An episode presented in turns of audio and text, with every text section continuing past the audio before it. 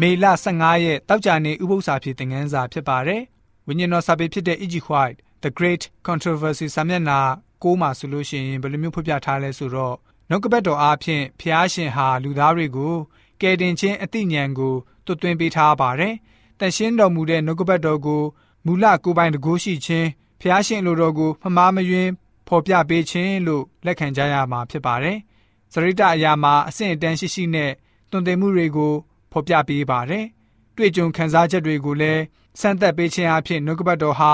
လူတွေကိုတွင်တင်ပေးနေပါတယ်။လူသားတွေကိုဖျားသခင်ဖော်ပြပေးတဲ့အရာတွေကတော့ဖျားရှင်နှုတ်ကပတ်တော်ကိုသာအသုံးပြုထားပါတယ်။တန်ရှင်သောဝိညာဉ်တော်ရဲ့လမ်းပြမှုအတိုင်းသာရေးသားထားပါတယ်။ကယ်တင်ရှင်ဖျားဟာ